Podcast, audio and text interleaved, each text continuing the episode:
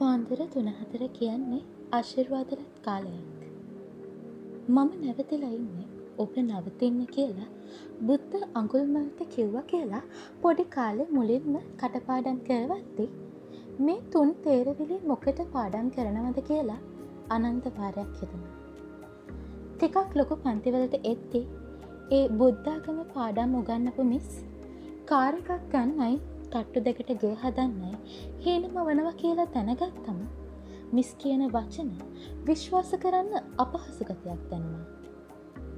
පන්සලට යත්ති හාමුදුරුවෝ තට්ටු දෙකට ආවාසගේ හදන්න හීන මවනවා කියලා පෙනුනම පන්සලට යන්න අපහසුගතයක් දැනුණා.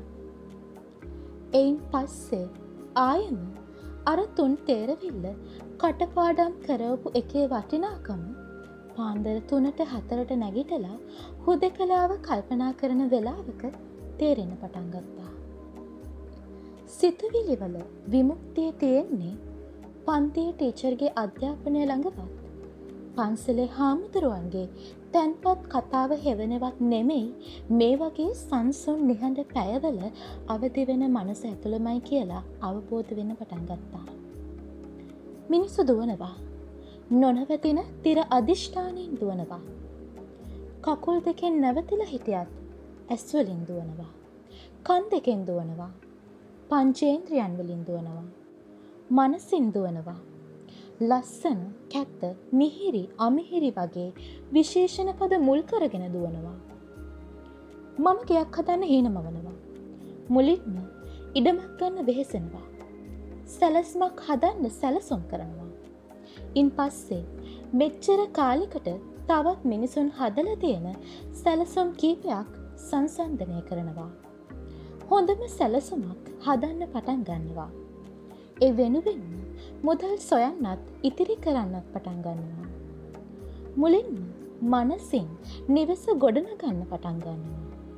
ඉන් පස්සේ නිවස ගැන සම්පූර්ණ අවධානය යොමු කරලා භෞතිකව ඒ හීනය හැබෑ කරගන්නවා. ඉන් පස්සේ වාහනයක් ගන්න කල්පනා කරනවා. වාහනයක් ගන්නකොට කල්පනා කරන්නේ පහසුව පමණක්ම නෙවෙයි නිසා ඒ වෙනුවෙනුත් වෙනම මහන්සියක් කැපවීමක් කරනවා.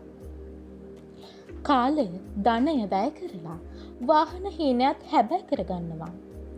මේ සියල්ල අතරෙති ඔයයි මමයි දෙන්නම දන්න කරුණක් තියෙනවා.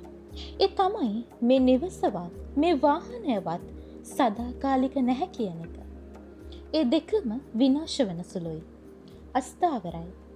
අස්ථාවර භාවය කොයිතරම් ස්ථාවරද කියනවනම් මේ හීනය භෞතිකව සහ මානසිකව කියන දෙයාකාරයටම විනාශ විය හැකි. මොන වෙළඳ දැන්වීමේ මොන සිමෙන්ති වර්ගය ස්ථාවරයි කිව්වත් ඔයයි මමයි පැහැදිලිවම දන්නවා මේ හීනය පොළවට සමතලා වෙන්න තප්පර කිහිපයක් හොඳටම ප්‍රමාණවත් කියලා. ඉතින් මම වස්සර ගණනක් මගේ මනසත් ශරීර ශක්තියත් අස්ථාවර දෙයක් ගොඩනැගීම වෙනුවෙන් වැෑ කරනවා. මමයි ඔයයි මේ සියලුම හීනවලින් මිදිලා සමාජ අරගලයක නිරත වෙනවා කියලා උපකල්පනය කරමු. අපි දෙන්නම එකතු වෙලා විශාල අරගලයකින් අනතුරුව දුක්විඳින ජනතාව වෙනුවෙන් ආණ්ඩු ක්‍රමය හෝ ව්‍යවස්ථාව වෙනස් කරනවා. ඒකත් මේ ගේ හැදීමට සමානයි. මේ නිවස මම ජීවත්වන තුරු නැතිනම් මගේ අනසක පවතින තුරු මම හීන මැවූ ආකාරයට පවතිනවා. මගෙන් පසුව නිවසට අධිපති වන උරුමකරු මේ නිවසේ යම් යම් කොටස් වෙනස් කරන්න පටන් ගන්නවා. ඇතැම් විට නිවස සම්පූර්ණයෙන්ම පොළවට සමතලා කරලා වෙනත් යමක් එතන ඉදි කරන්න පුළුවනි. හේතුව මේ මගේ හීනය වුණත් මෙයාගේ හීනය නොවන නිසා. මගෙන් නිවස ලබන උරුමක්කරු අපහසුවෙන් හෝ නිවස රැකගත්තත් අනිවාර්යෙන්ම ඊළඟ පරම්පරාව විසින් එය විනාශ කරනවා. මිනිස්සුන් දෙදෙනෙකුගේ හීන කවදාවත් එක හා සමාන වෙන නැහැ. සිදුවන්නේ අනෙකාගේ හීනයට ගරු කිරීම පමණයි. කණ්ඩායමක් විදිහට සම්මතයකට ඇවිත් එකම හීනයක් එක් තලයකින් බෙදාගෙන ක්‍රියාත්මක කළත් කණ්ඩායම් කිහිපයක හීන කිසිසේත් සමාන වෙන්නේම නැහැ. පරම්පරා කිහිපයක් එකම හීනයක් බලහත් කාරයෙන් හෝ ඇදගෙන ගියත් අවස්ථාව ලද විකෙස හීනය වෙනස් වන බව ඉතිහාසය විසින් සාක්ෂි ඇතුවම පෙන්වා දීලා තියෙනවා. විනාශ වන හීන වෙනුවෙන් මිනිස්සු මනසයි ශරීරයයි වියදම් කරනවා. ධනවාදී ලෝකයේ පමණක් නොවෙයි සමාජවාදී සංකල් පැතුළෙත් වෙනසක් නැතුව බිඳෙන හීන විකුණනවා. මිනිස්සු තමන්ගේ ශක්තිය වැය කරලා හීන මිලට අරගෙන තමන්ගි කරගන්නවා. මෙවිදියට පිටස්තරයෙක් වගේ ඉඳගෙන මිනිසු දිහා බලනකොට මම නැවතිලා ඉන්නේ ඔබ නවතින්න කියන බුද්ධ වචනය විනිවිධ පේන්න පටන් ගන්නවා.